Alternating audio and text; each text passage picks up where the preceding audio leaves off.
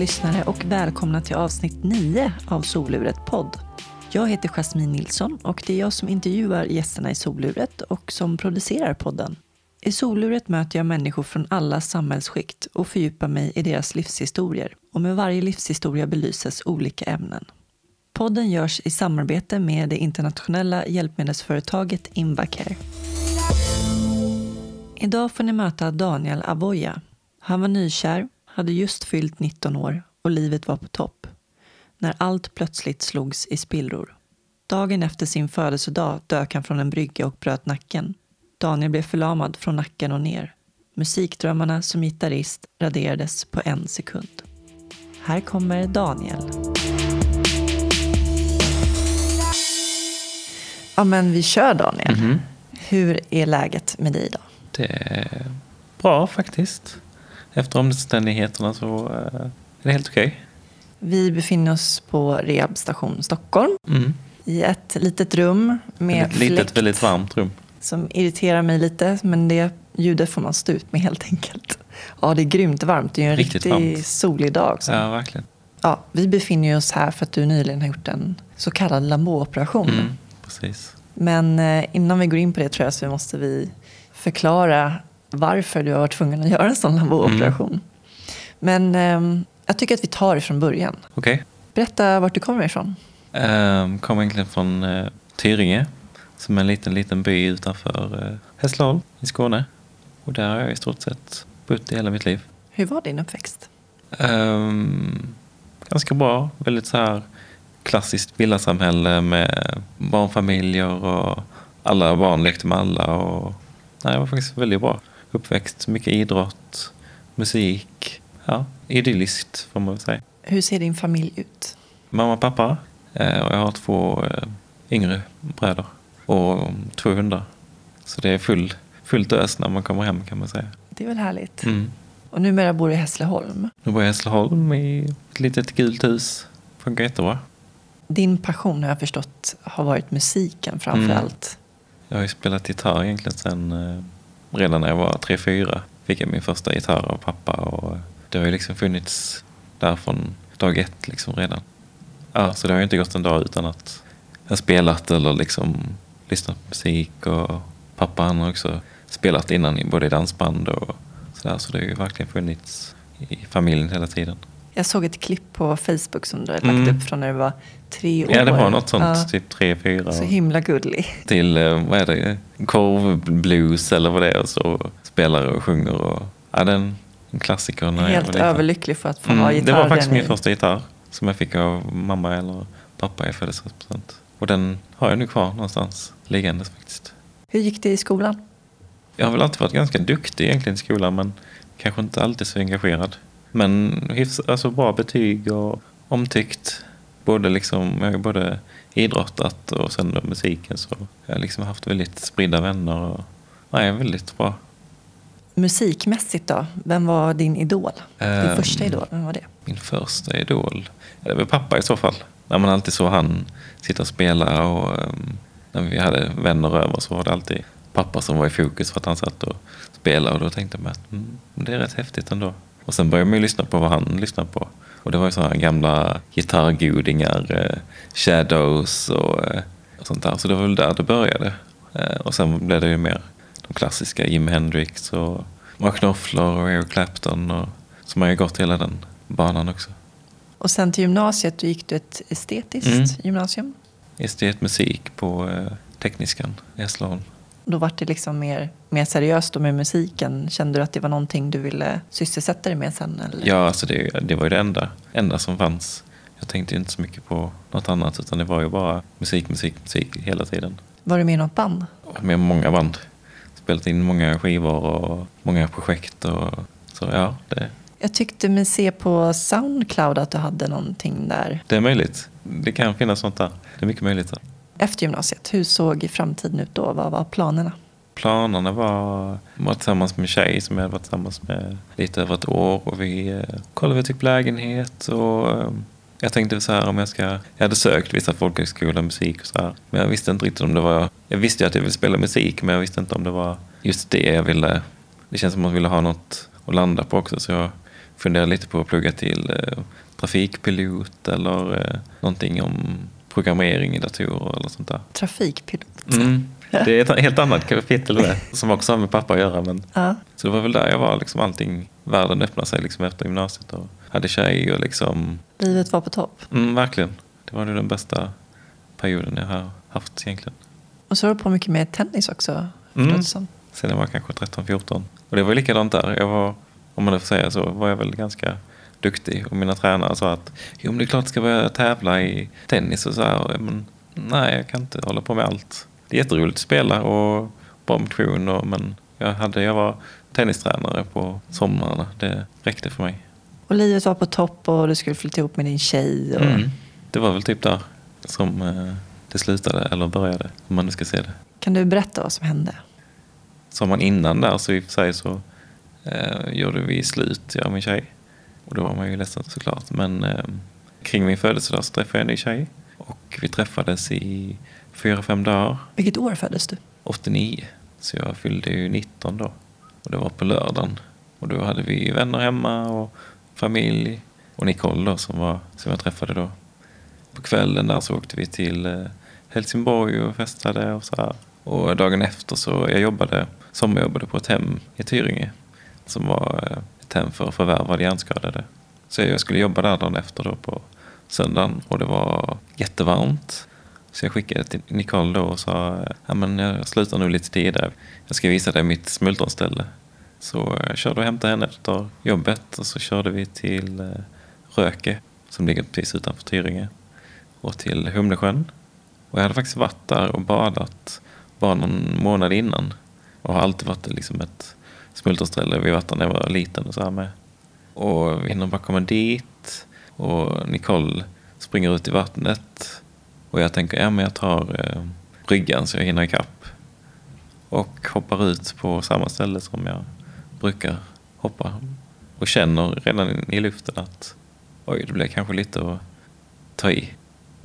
Och då bara svartnar det för ögonen och känner hur det krasar till i nacken. Gud vad obehagligt det låter. Krasa till in i nacken. Ja, men det gjorde det. Verkligen. Man tänker inte direkt att oj, nu har jag brutit nacken. Utan Nej. jag tänkte att oj, nu har jag, är det kramp där eller vad, vad är det som händer? Och så hade jag då ny tjej och sånt där så det var ju lite så pinsamt. Man tänkte så, sluta nu liksom så här. Men sen började man förstå att det här är ju inte bra. Och det kändes ju som att man låg väldigt länge. Mm. Och eh, sen blev det som något lugn nästan. Och jag tänkte ju att jag hade svalt vatten och allting sånt där. Och var liksom, det var verkligen att man tänkte att ja, men nu är det dags. Liksom. Och på något sätt så tyckte man att det var okej. Konstigt nog. Man tänkte, ja men vad ska mina föräldrar säga nu och vad ska hända liksom. Men det läskiga var att man var så lugn. Det kändes verkligen som, ja. Man var på helt- något sätt accepterar Ja, att... redan där så kände man att det var här det skulle sluta. Men eh, det gjorde det ju inte. Sa du att du hade du dykt därifrån tidigare? Mm. Precis på samma ställe hade jag dykt bara någon månad innan. Men ehm, fick ju höra i efterhand att eh, bryggan hade flyttats på grund av ehm, barnfamiljer som hade tyckt att det var för djupt. Så där brukar ju vara ungefär två meter djupt. Och då har det liksom aldrig varit något problem. Bara det att nu var det inte två meter utan nu var det knappt en meter där jag dök då. Och bryggan var ungefär hur högt ovanför? För vattenytan. Ja. Den låg ju på vattenytan. Okej. Mm. Så flöt liksom på vattnet. Så ehm, det sa ju stopp ganska direkt. Kände du någon smärta? Jag tror inte det. Inte förrän jag kom upp eh, på bryggan. När brandmän och ambulansmän sprang på bryggan. Hur reagerade din tjej? Eh, hon var nu rätt så lugn ändå. Men ropade ju på hjälp och då kom det ju folk som ringde. De ringde väl ambulansen först tror jag. Och sen ringde min mamma. Och då kom jag ihåg att eh, hon sa att eh, kvinnan som var på bryggan där sa att ja, men, din mamma vill prata med dig. Men eh, jag kunde inte prata. Och då kom jag ihåg att när jag skulle, eftersom jag inte kunde prata så ville jag ju då vrida på huvudet. Och där förstod jag nog att jag har brutit nacken. För att då liksom bara kände man hur det Uh. Ja, kota mot kota i stort sett. Jag tror också där min mamma förstod att nej, men det är allvarligt att, eftersom man inte kan prata då. Mm. Och sen så tog det ju över en och en halv timme innan ambulansen kom. Så man Oj. låg, ja, Så pass länge. det var andra olyckor och detta är ju långt ute i en skog ungefär. Men de lät det ligga kvar i vattnet i alla fall. Mm, jag låg i vattnet halvtimme, 40 minuter tror jag. Och sen kom det brandmän som hjälpte mig upp på eh, bryggan. Alltså din tjej, det är ju svårt att Ja. veta hur man ska agera i den Det situationen. roliga är, att, eller det roliga får man inte säga, men hon var, hade gått kurs just i livräddning och Ja, det. HLR och sånt där. Så hon var ju erfaren och visste, visste liksom att man måste vara försiktig med nacken när hon, hon låg och höll mig i sin famn i vattnet då tills brandmännen kom.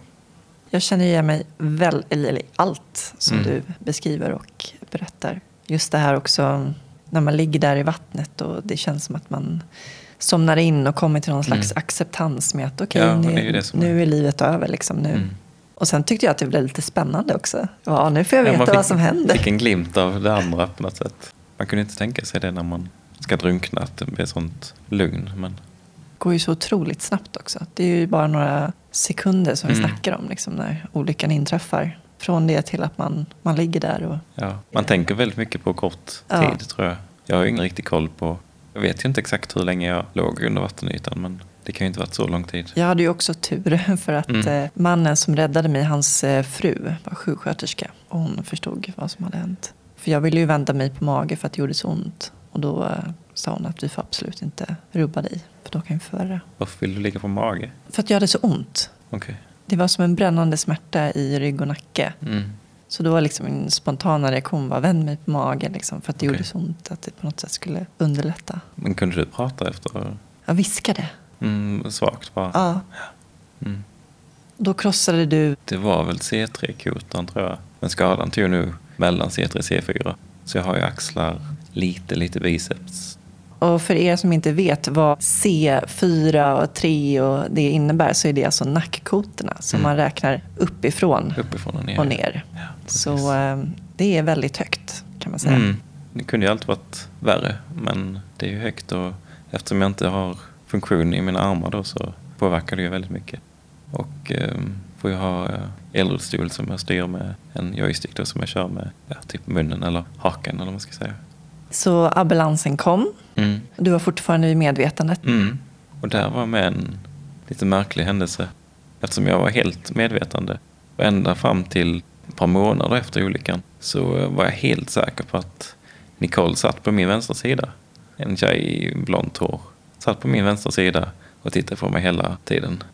Men så fick jag höra då ett par månader efter att nej men Nicole satt framme med chauffören. Och där har jag tänkt, vem, vem var det som satt bredvid mig då och tittade på mig? Och det är, det är liksom inte att man, jag var ju inte snurrig eller mm, fått några droger eller någonting utan jag var helt medveten och det satt någon bredvid min vänstra fot liksom. Och vakade över dig. Ja, och det har jag ju tänkt också vem det var. Lite läskigt men ändå betryggande att man vet att det kanske finns något som kanske tar hand om en på något sätt. Vad är det sista du kommer ihåg sen? Någonstans där så tror jag att jag fick problem med andningen. Så då han sövde över mig och intuberade mig. Vilket betyder att man... Kör ner en slang i lungorna. Och på vägen där har jag fått höra att de plockade upp någon läkare. För att det var väl rätt så kritiskt då på vägen till... För att det är ganska långt från Röket till Lund som de då körde till. Och sen efter det så minns jag att jag kom in på akuten. Och så väckte de väl mig då precis. Så jag skulle få träffa mamma och pappa. Och ehm, då när jag ser pappa så eh, kommer jag att jag då viskar tyst förlåt. Och det är det sista jag kommer ihåg. Varför gjorde du det tror du? Jag vet inte. Det, jag kände väl på mig vad som hade hänt och vad, jag visste att det här kommer nog inte sluta så bra. Så det kom nog rätt så spontant på något sätt. Och så kommer du till sjukhuset och de Mm. kopplar dig till respirator. Inte genom halsen så att säga utan jag hade slang då fortfarande intuberad. Jag låg ett dygn i sträck. Man sätter som en gloria som borrar fast i huvudet. Som sträcker ut ryggraden. Tills man gör operationen. Mm, så är att det man nog. inte ska riskera att det Mm. förvärras. Precis. Och någon dag efter där vaknade jag väl. Eller de väckte mig och kollade. Och då hade jag ju fortfarande den här slangen i halsen. Och då får man ju liksom panik. När du inte vet var du är och du har en slang nedstoppad i halsen. Så jag började ju tugga och bli galen på den. Så då fick de söva mig igen och nästa gång jag vaknar så eh, har jag då respirator. Och sen svävade du mellan någon slags morfinrus och Mm. konstig verklighet. Den tiden där är ganska suddig. Jag kommer inte ihåg sådär jättemycket. Små grejer. Men det var ju säkert en vecka efter kanske. Som jag kommer ihåg att eh, jag hade en jätte, jätte, jätteduktig sjukgymnast. Som liksom verkligen bara, nej han ska upp och sitta och han ska ut och han ska liksom. Det var verkligen pushande och stöttande på något sätt.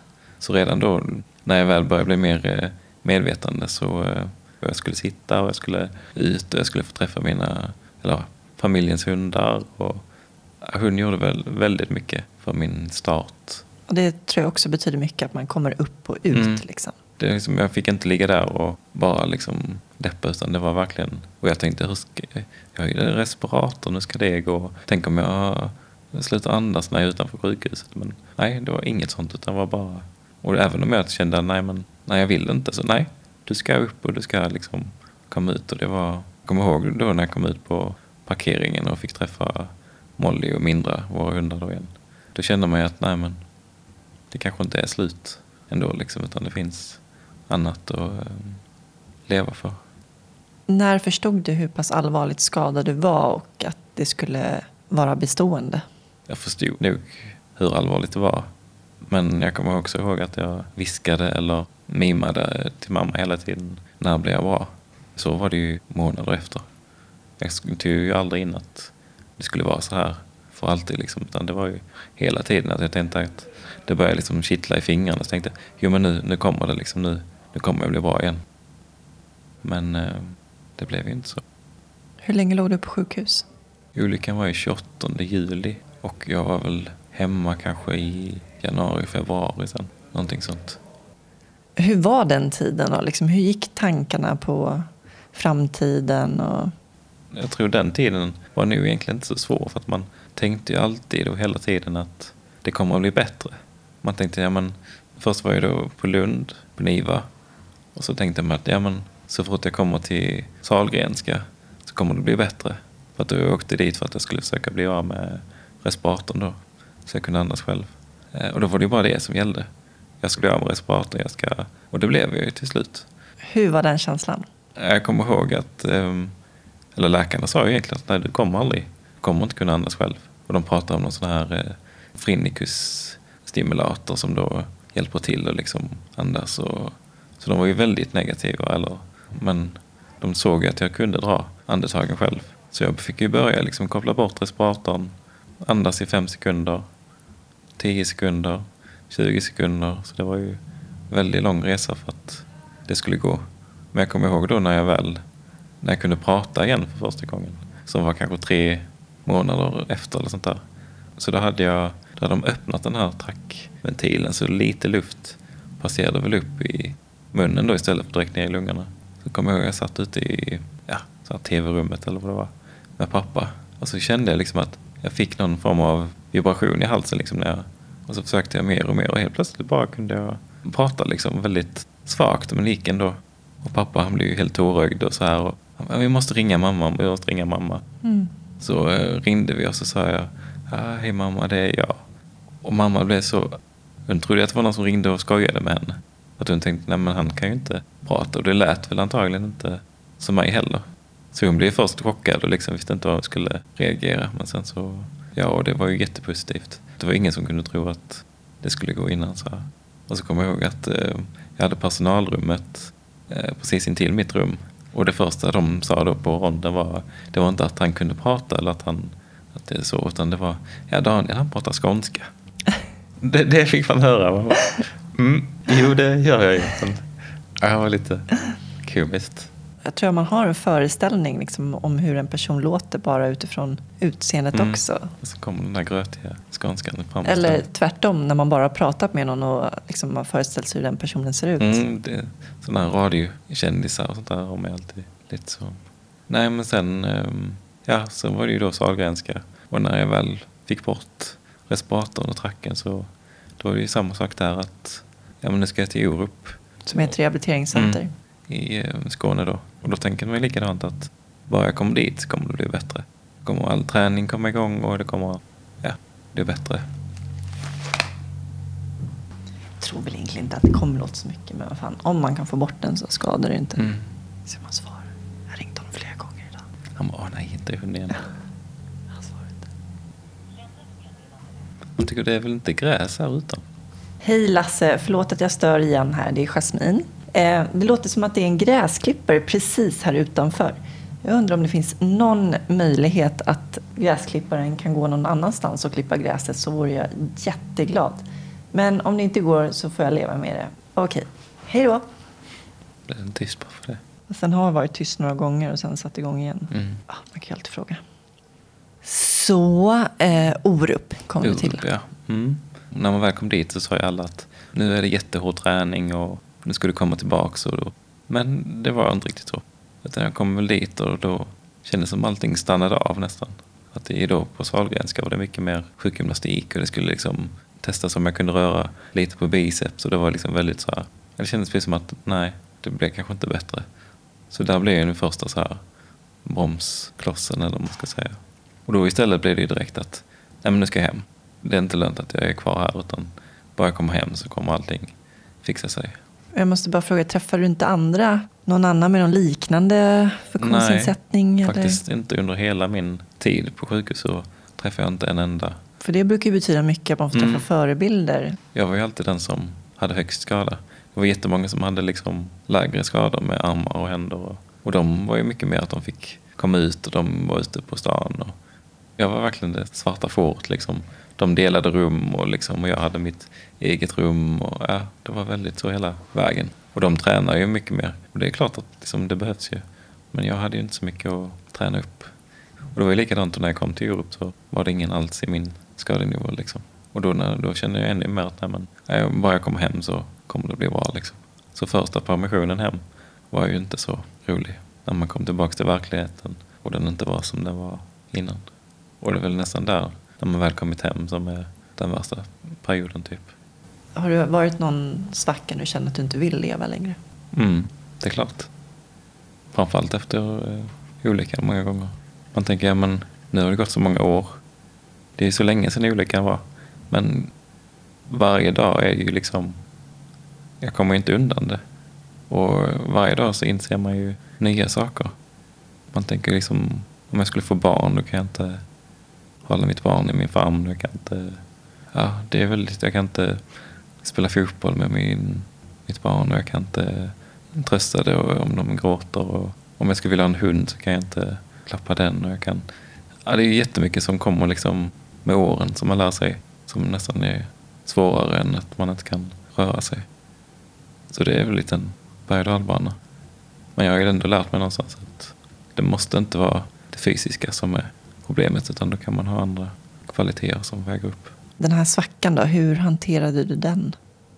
Jag har väl alltid varit sån att jag har satt nya mål eller någonting att sträva efter för att drivas framåt. Och då var det liksom hela tiden att, ja men okej, men nu måste jag hitta assistenter och de ska liksom bli utbildade och jag ska hitta bra assistenter. Och när jag väl då hade gjort det så var det att, kände jag väl, nej men jag, jag fick ju flytta hem till mina föräldrar igen. Och då kände jag väl ganska snabbt att det funkar inte. Både för mig och sen vill jag ju inte ge den bördan på mina föräldrar och syskon också som de var ju fortfarande liksom chock och liksom, det var ju inte så lätt att hantera. Vad fick de för stöd och hjälp? Ingen tror jag. Mamma har varit på eh, psykolog någonting så här men inte mina syskon och så annars. Och du? Nej. Nej, inte jag heller. Men som tur är så har jag väldigt många runt mig som jag har inte så svårt att prata om varken olyckan eller så jag har inte så mycket dolt inom mig typ.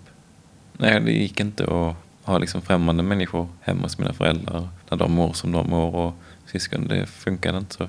Ganska snabbt efter så hittade jag en eh, lägenhet i Kristianstad istället. Så då var det det som var mitt nya mål, att hitta en bra lägenhet Hur var det att få personlig assistans? kändes ju väldigt främmande när de sa på sjukhuset att Nej, men du ska ha eh, personlig assistans och de ska vara hos dig hela dygnet. Och var du än är och så här, det, det var ju väldigt främmande. Och liksom helt plötsligt ha helt främmande människor som liksom var vid en hela tiden. Och det har man ju redan haft också på sjukhuset. Mm, och... fast jag tyckte ändå på sjukhus var det en annan sak. Eller om det var att man själv kanske inte på något sätt, man var en patient på sjukhuset och då var det mer att ja, men de tar hand om en men Men sen när man kommer hem så blir man ju en person igen på något sätt. Om man ska säga. Och då är det ju märkligt att ha folk, att man är så beroende av helt främmande människor. Liksom. Ja, det är en jättekonstig känsla. I början så tänkte jag på hur många som hade sett mig naken. Mm. Det är en bra fråga faktiskt. Det är inte alla som kan ha den långa listan. Ja, hur många assistenter har du? Fem, sex, fem som går på schema och sen någon extra då. Under mina år så har jag haft över 50 stycken. Som har sett dig naken? Mm. Ja, det är frågan vad som är värre, assistansbiten eller sitt handikapp. Det är tyngre än vad man tror. Du kan ju inte ha en vardag och ett liv utan assistans heller. Så det är ju fruktansvärt viktigt. Det tar ju lång tid innan man vet om man själv vill bli bemött och hur man vill att allting ska fungera och vilken relation man ska ha till assistenter. Och... Nej, det är inte så lätt. Men um, hur gick det då med flytten och hitta lägenhet som funkar mm. för dig? En lägenhet mm. mitt i centrum, Kristianstad. Och det var jättenära till allting. Och dock så kom ju mitt nästa problem där ganska tätt in på och då fick jag ju trycksår. Du fick det väldigt mm. snabbt alltså? Det var bara ett, ett, ett och ett halvt år efter olyckan som jag fick det. Och då blev det ju bara att ligga i sängen hela tiden.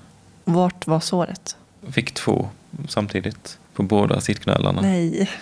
Så Aj. Eh, det var ju liksom, och det var ju likadant där. Man tänkte bara, ja men det är bara som ett skrapsår, det är inte så farligt. Men sen då när den här, det här blir roligt att lyssna på. Den här skorpan när den börjar lossna när man tänker. Och man ser att det är liksom dött nästan ända ner i benet. Med krås. Mm. Då börjar man förstå att det här var nog inte så bra. Så då um, fick de ju operera bort död vävnad och lämnade då som två stora kratrar, fem centimeter i diameter i bredd och ungefär lika djupt.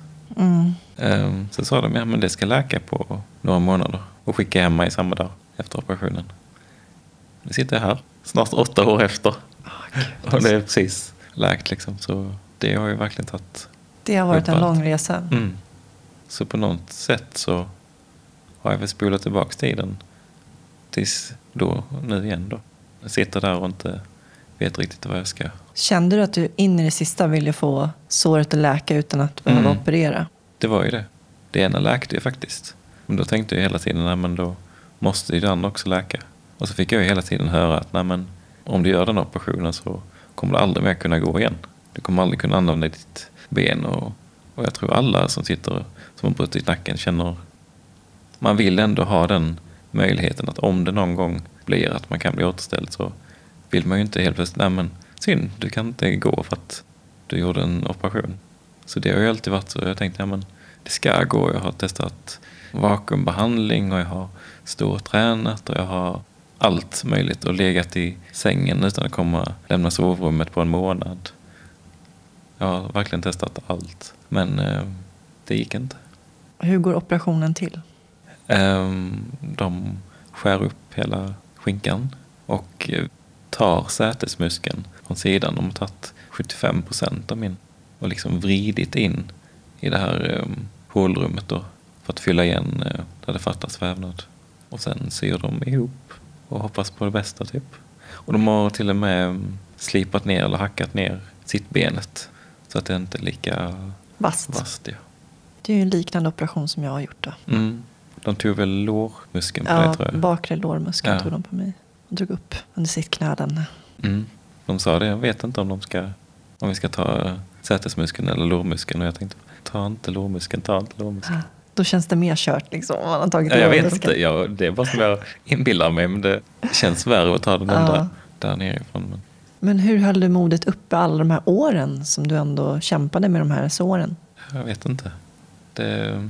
Överlevnad? Ja, och någonstans där kommer jag väl tillbaka till att hitta nya småmål som jag ska göra. Jag flyttade ju tillbaka till Hässleholm och köpte ett hus istället. Så då var det ju också där att hitta hus och komma dit och liksom så jag har liksom haft hela tiden små saker för att liksom driva framåt. Um, och det tror jag är väldigt viktigt. Men det är klart det har varit väldigt tufft. Och på något sätt har man ju nästan blivit isolerad, alltså eller trygg i sin bubbla när man har legat i sängen så många år. Det blir ju väldigt det är nästan ibland när man väl då tvingats eller så här måste upp och handla eller någonting så känner man sig nästan småskygg. Man tänker alla tittar på en och kom liksom det, de gamla tankarna tillbaka på något sätt. Och din relation till dina vänner och sådär? Ja, jag har ändå försökt att de är inte så främmande. Jag kan ju träffas i sängen, låter ju sådär. Men ja, det funkar det också faktiskt. Och, nej, men det har inte... Det var nu snarare precis efter olyckan att det var många som... Föll bort? Ja. När jag hade ett eh, sittsår så, jag höll ju på i två år och försökte Mm. få det läka under gymnasietiden. Jag förlorade mycket av det här umgänget med vänner och det var mycket på grund av mig själv. För jag kände att jag hade ingenting att erbjuda Mm, liksom, så har jag längre. med Eh, känt det verkligen. ja, det var nog mycket på grund av mig också. Som, Mm. Jag skadades ju precis efter gymnasiet. Och då får man ju också se det från ett annat perspektiv. Så är det ju, om inte olyckan hade varit, hade jag fortfarande umgåtts med vänner sen innan då. Det kanske inte hade. Jag kanske också hade flyttat någon annanstans. Och liksom, det är ju så efter om man slutar skola eller gymnasiet. Man, det är många som går andra vägar. Och, så jag tror inte det bara är olyckan i sig. nej, precis. Livet är ju olika skeden hela tiden. Ja. Hur tänkte du kring eh, jag tänkte musiken som har betytt så otroligt mycket för dig? Mm. Hur eh, liksom, hanterade du det och förhöll dig till, till det? Ehm, det var ju nästan, det är ju värre än att jag inte kunde gå. Det var ju verkligen för att det var ju mitt andra sätt att prata. Så det var ju som en trygghet. Jag så gick ju inte en dag utan att jag spelade. Och, så det har varit väldigt tufft. Men kanske då ett, som ett kramar mig fast vid det på något sätt så började jag ju samla gitarrer istället. Så redan då när jag låg på Orup efter olyckan så beställde jag gitarrer från USA. Sådana drömgitarrer som jag alltid har drömt om. Men då blev det en annan sak när jag väl då fick hem dem så tänkte jag men då ska det ju vara ord och. Men då kom jag ihåg att när mamma och pappa öppnade kartongerna och såg den så bara grät jag och grät och grät och grät. Mm. På något sätt så tänkte man att ja, det är så svårt att sätta sig in i den. Man liksom vill ha kvar det, sin gamla jag. Liksom. Alltså, så blev det så påtagligt när, när jag kan inte ens ta upp och känna på det. Gitarren jag alltid drömt om. Liksom. Och då blev det liksom likadant att ja, men, jag beställde en gitarr och sen fick jag hem den och sen grät jag och grät och grät. Och sen tänkte jag, ja men, oh, så den gitarren vill jag också ha. Beställde jag den och så precis likadant. Bara grät och grät och grät. Och liksom, Det är så här Så- självspäkning nästan. Nästan så faktiskt. Men sen så var det också något för att bevara det jag hade. Ja, för att det var en så stor del Mm. av din identitet. Ja. Så jag har ju fortfarande ett gitarrum hemma. Ja. Och där sitter jag ibland och tänker liksom. Det är som eh, min minneslund nästan. Jag har kvar gitarrer som jag själv har spelat på. Då är jag liksom gamla Daniel igen. Och vi ska ju säga det också att det var ju framförallt gitarrspelandet Mm. som var viktigt för dig. Mm. Så att eh, fortsätta med musik i någon annan form har inte känts så aktuellt. Jag har ju testat eller så här, skriva musik på datorn men nej det är inte alls det. Inte samma känsla. Nej. Och det är egentligen inte liksom låtskrivandet som har varit min grej utan det är framförallt spela och Det känner jag ju väldigt starkt med dig. För att Mm. eh, dansen var ju hela min identitet. Liksom. Mm. Jag var dansare Jasmine. Det, det Ja, du berättade ju mer om att, att du skulle bli koreograf eller sånt där. Ja, det kom Men det är precis samma sak. Ja, Att, det var flera som försökte liksom föreslå det. Att ja, Mm. men kan du inte bli koreograf och skapa konst på det sättet? Men man vill ju vara, eller jag vill ju vara mitt eget redskap. Mm. Det går liksom inte att hitta någonting att kompensera med. Alltså. Så det är en sorg man får leva med resten av livet. Vad är livskvalitet för dig idag när du inte riktigt kan sätta dig ner och spela på gitarren? det låter ju superklyschigt. Men eh, det är ju de alltså, små saker. Alltså bara fint väder, komma ut, träffa vänner som man verkligen tycker om. Och liksom, som jag har ju nu vänner som jag har känt i över tio år. Liksom. Och när man känner liksom, ja, träffa våra hundar eller bara sitta liksom, ta det lugnt. Det är ju massa saker. Se nya saker, träffa nya folk. Det är väl det som har någon betydelse egentligen. Jag behöver inte åka jorden runt eller spela i något elithockeylag eller något sånt där. Utan det, man lär sig se andra saker som kanske andra tar för givet. Har du hittat någon ny kärlek då? Hmm. Knivig fråga där. Ehm, inte just nu. Hur förhåller du dig till det nu med funktionsnedsättning? Tycker du att det är svårare? Jag trodde ju det. Eller Det är ju någonting man tänker redan sedan sjukhuset efter olyckan. Då tänker man att jag är ju liksom inte en kille eller man längre utan jag är ju bara en stackars kille i rullstol. Och det har väl följt den rätt så länge. Man tänker att man kan inte ha sex och man kan inte träffa någon och vem skulle liksom ens titta på någon i rullstol så här. Men det har jag väl lärt mig att det, man kan attraheras av andra kvaliteter och det är fortfarande jag någonstans. Och eh, det mesta funkar faktiskt. Skrivandet har väl kommit Mm. att betyda mycket för dig också. Faktiskt. Det fanns väl på sätt och vis innan också.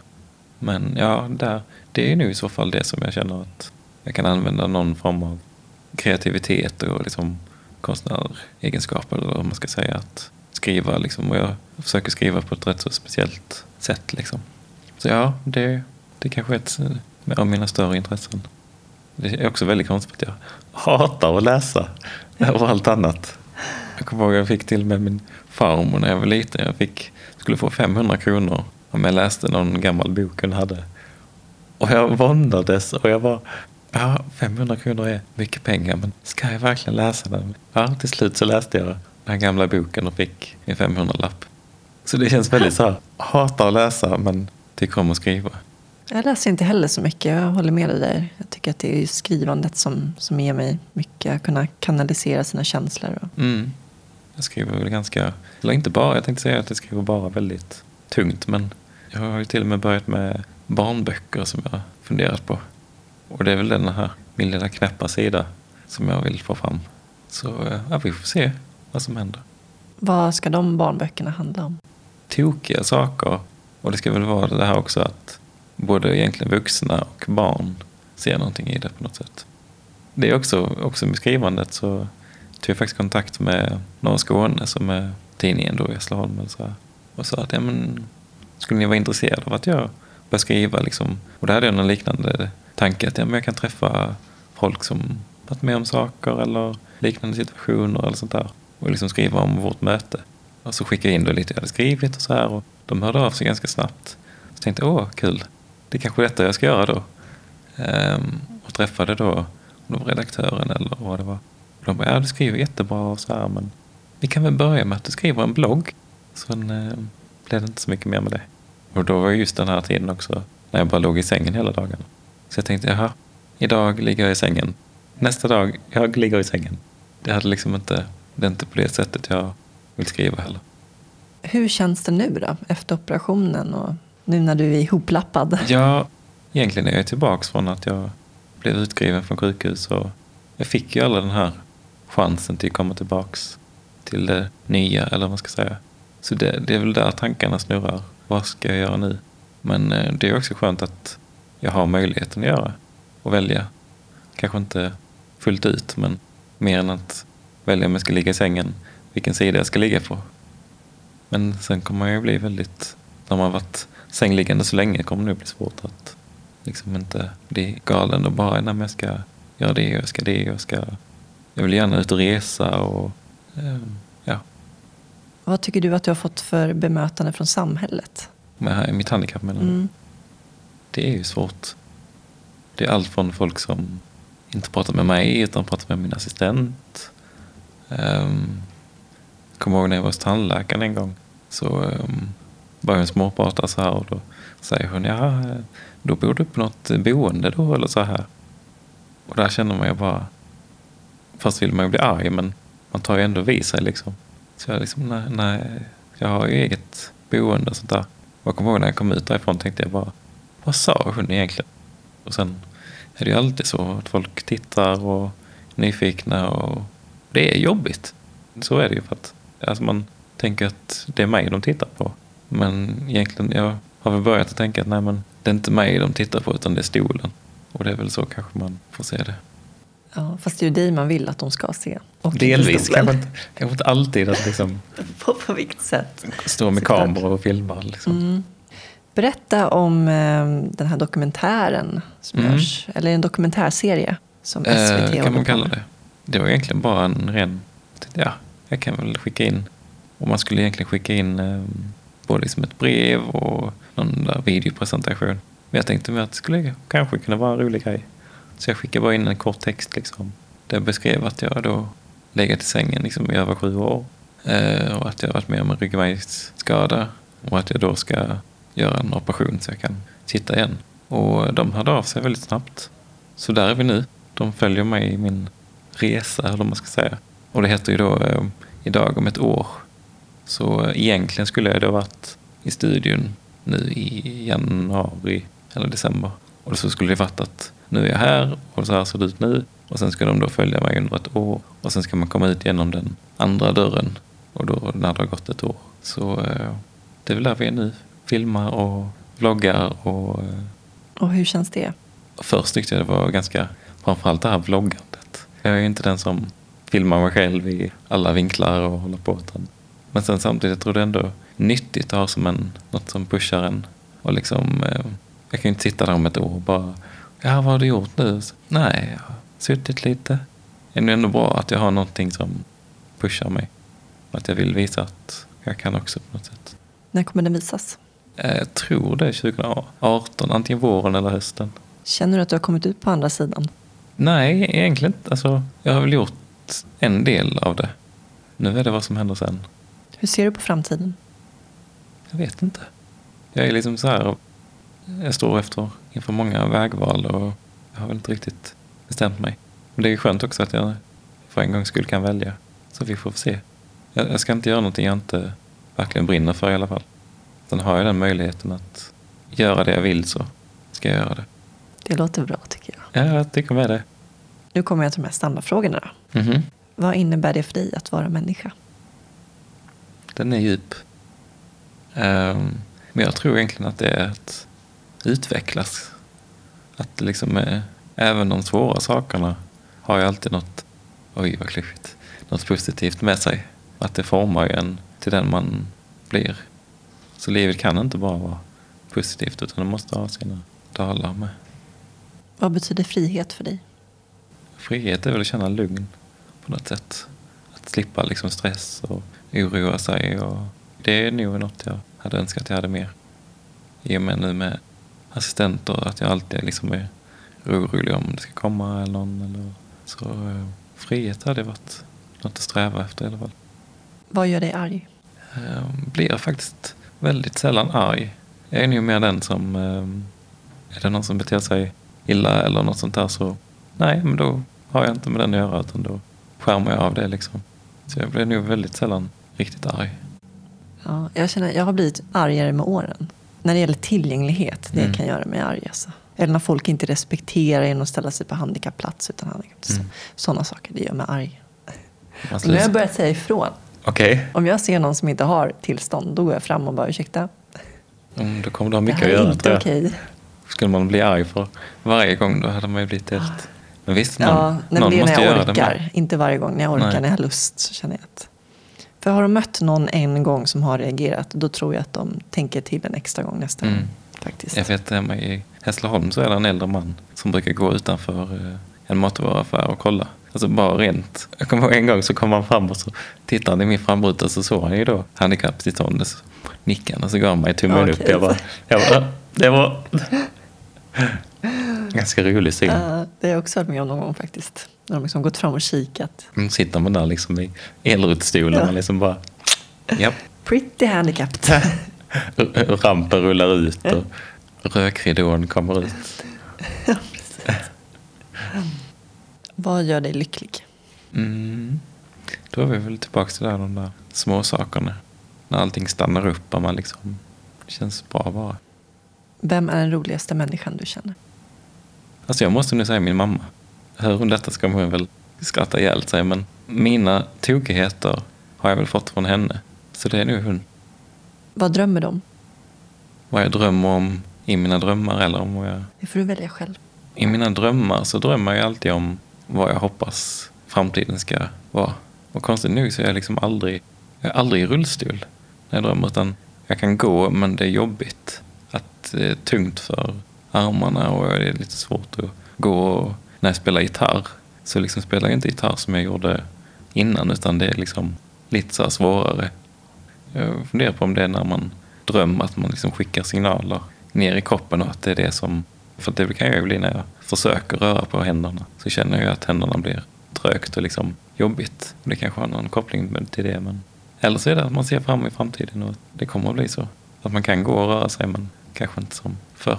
Och det hade varit bra nog. Bara att få tillbaks full arm och handfunktion känns som att Mm. det skulle vara det viktigaste av allt egentligen. Så man Ja. kan bli självständig åtminstone. Ja. Det är nu svårt för andra att tänka sig att benen inte har så stor betydelse men armarna är verkligen, det är stor skillnad. Med assistans och självständighet och det är nästan som två helt olika världar nästan. Har du någon gång varit med om att någon har sagt att de ska leva dina drömmar för dig? Tänker när det kommer just till musiken. Nej, men jag tror jag har nog inspirerat folk att liksom tänka annorlunda. Och jag har många nära vänner som säger liksom att vår relation, liksom när, vi, när jag kunde spela och vi har spelat tillsammans så har det betytt mycket för dem och liksom att de tagit det med sig. Och det känns ju stort. Så, eh, Jag har några snabba standardfrågor också. mhm. Kaffe eller te? Kaffe, Bok eller film? film, Kött eller grönsaker? kött. Se eller höra? Oh. Min hörsel är väldigt viktig för mig. Men jag tror ändå att vara blind. Nej, nej jag får- jag offra hörseln där ändå faktiskt. Heavy metal eller jazz? Jazz. Ljus eller mörker? Mm. Älskar solen men jag gillar ju natten och mörker med. Nej, jag säger ljus ändå. Får vara lite positiv. Ja, precis. Fort eller långsamt? Pratar vi om nu? Nej, men jag gillar ju bilar och så här. Så, ja, fort. Vad har du för bil nu? Har du en bil? Jag har en Chrysler som är handikappanpassad. Och sen eh, så har jag ju köpt en Ferrari som jag åker omkring i. Och det låter ju supertokigt. Jag kan inte köra den och inte ta på den men det, Det måste ju ändå vara en känsla. jag sa faktiskt första då, dagen jag köpte den när jag satt i den så sa jag att jag har nog inte varit så här glad en enda dag efter min olycka. Och eh, hur tokigt det än är så nej, det är kul. Lyssna eller prata? Lyssna tror jag. Tack så jättemycket Daniel för att du delade med dig av ditt liv. Och så får jag önska dig lycka till med tv-inspelningen och vloggandet och ja. allt vad det innebär. Påminn, påminn inte mig om Ja. loggandet bara. Och komma tillbaks hem Mm, med en hel rumpa. det ska bli skönt. Tv-programmet som Daniel pratade om i intervjun kommer att visas på SVT under våren 2018 och det heter Idag om ett år. Missa inte det. Nu tänkte jag att vi ska ringa upp min samarbetspartner Invacare för jag ska prata med Stina som är expert på just trycksår och fråga om hur man förebygger trycksår på bästa sätt. Invacare Stina. Hej Stina, det är Jasmin här. Halloj Jasmin. Stina, du har ju lång erfarenhet av att jobba både inom vården och hjälpmedelsindustrin. Men då undrar jag så här först och främst, hur uppstår ett eh, trycksår? Ja, alltså, det finns ju flera orsaker till varför trycksår uppkommer. Men eh, tittar man på vad som sker så är det ju att eh, vävnaden, det vill säga hudkostymen, den har utsatts för upphäv eller helt enkelt otillräcklig blodcirkulation. Och det här har skett under så lång tid så att eh, det blir en skada i vävnaden. Och man pratar mycket om att man delar upp det i inre och yttre riskfaktorer. Och eh, de inre riskfaktorerna är mer själva kroppen helt enkelt. Det kan vara så att man eh, har nedsatt rörelseförmåga. Man har kanske blivit lite äldre. Även om alla åldrar kan få trycksår så är äldre en mer utsatt grupp. Man kanske är eh, inkontinent, har svårt att hålla urin. Man eh, kanske äter väldigt mycket mediciner. Och det är bara några få av riskfaktorerna som kommer inifrån kroppen. Sen de yttre är ju mera att eh, det blir ett tryck mot huden. Eller att eh, man glider ner i rullstolen exempelvis, att det blir glidtryck. Och så har man lite friktion och så kanske lite fukt på det, så ökar man risken. Och sen just att det går ju ofta inte att se heller hur pass omfattande trycksåret är för att det ofta döljer sig under huden, tänker jag också. Exakt. Jag menar många trycksår börjar ju långt ner i vävnaden och sen när det väl går hål på huden så kan det vara ett jättestort sår, precis som du säger. Ja, men hur behandlar man ett trycksår då på bästa sätt? Ja, det bästa sättet, eh, det finns ju många saker man ska tänka på även där, men självklart så handlar det om att avlasta, det vill säga plocka bort tryck. Nu är vi inte uppe i rymden och svävar så att vi kan bli helt eh, befriade från tryck, men i varje fall att man tänker på att lägesändra, det är jätteviktigt. Lägesändring och att försöka hitta ett material, det vill säga en sittdyna, en rullstol som passar ens egna behov. Men sen är också inspektion. Precis som du eh, sa till mig förut, just att inspektera hudkostymen och se om det har uppkommit någon rodnad eller att man ser att någonting känns annorlunda. Det är otroligt viktigt. Något som jag tycker är också A och O, det är ju att man ska känna till riskfaktorer. Vad är det som kan orsaka trycksår? Och så tänker man på de här olika delarna så tror jag att man har kommit ganska långt faktiskt för att eh, förebygga trycksår. Ja, för det kan ju verkligen ha förödande konsekvenser. Det har man inte minst hört i Daniels historia och även med mina erfarenheter, att det verkligen stannar upp livet. Ja, det kan jag förstå. Men det kan väl även vara dödligt också om man inte tar hand om det? Absolut. Jag menar, ett sår är ett sår. Eh, oavsett om det skulle vara ett skärsår eller ett trycksår så handlar det ju om att eh, man kan få en infektion och man kan få blodförgiftning exempelvis om man inte sköter om det rätt. Och då tänker jag ju på Stålmannen som de flesta känner till, Christopher Reeves som råkade ut för en ridolycka och fick en ryggmärgsskada. Han dog ju faktiskt på grund av blodförgiftning som följd av ett trycksår. Det tror jag många inte vet. Nej, det har nog inte uppmärksammats så mycket i pressen som att det var just Stålmannen. Därför han hade ju mycket personal runt omkring sig också, så man kan ju verkligen ifrågasätta hur, hur det ens är möjligt att eh, han inte fick rätt behandling. Ja, det är det där igen med kunskap. Man måste ha kunskap och eh, framförallt hur man förebygger trycksår och sen även, man måste tänka 24 timmar om dygnet oavsett om man är personen som är i riskzon eller anhöriga som finns runt omkring eller vårdpersonalen som träffar den här personen. Så har man rätt kunskap så vet man också vad riskfaktorerna är och då kan man på ett bra sätt i teamet eller de som finns runt omkring hjälpa till att förebygga trycksår. Du utbildar ju också kring trycksår. Ja, stämmer bra det. Alltså Invacare har ju massor av utbildningar så att eh, just trycksårsbiten är någonting som vi både har här på Invacares lokaler i Spånga och eh, även att vi kommer ut på arbetsplatser och har utbildning om att förebygga trycksår. Så det är bara att kontakta mig, Stina Dahlbäck på Invacare eller att gå in på vår hemsida och kika lite på vår utbildningsdel. Jättebra. Tack så mycket Stina för att du delade med dig av dina kunskaper kring trycksår. Ja, tack så mycket Jasmin. Ha det bra så länge. Ha det bra själv. Hej då. Hej, hej. På Invacares hemsida www.invacare.se kan ni hitta mer information om utbildningarna som de erbjuder. Soluret har en hemsida, soluretpodd.se. Där kan ni lyssna på alla avsnitten och eh, även kontakta mig. Och följ gärna Soluret på Facebook och Instagram. Och ni som har möjligheten och kan får gärna gå in på iTunes och betygsätta soluret. I nästa avsnitt får ni möta ingen mindre än min mamma, Gunnel Ljungestedt. Mamma har levt många liv, så att få med alla kapitel i en intervju det är omöjligt. Men vi får ta del av fragment från hennes liv, sånt som har format mamma till den hon är idag. Hon berättar om sin barndom som bland annat överskuggas av misshandel och övergrepp när mamma var tre år gick hennes sjuåriga stora syster bort i cancer, vilket har kommit att prägla mamma hela livet. Vid 17 års ålder bestämde hon sig för att flytta hemifrån och bryta upp från sin dysfunktionella familj. Hon påbörjade ett nytt liv med att fullfölja sina teaterdrömmar. För mig kändes det extra viktigt att göra den här intervjun med mamma. För veckan efter påbörjade hon sin andra omgång med cytostatikabehandling. Och mer om hur det gick för henne får ni höra i nästa avsnitt som publiceras söndag den 10 december. Med tanke på dagens gäst avslutar jag med ett av mina favoritcitat av Daniel Webster. Om alla mina förmågor togs ifrån mig med ett undantag skulle jag välja att behålla förmågan att kommunicera, för med den skulle jag återvinna resten. Tack så mycket för att ni lyssnade och ta hand om varandra. Hejdå.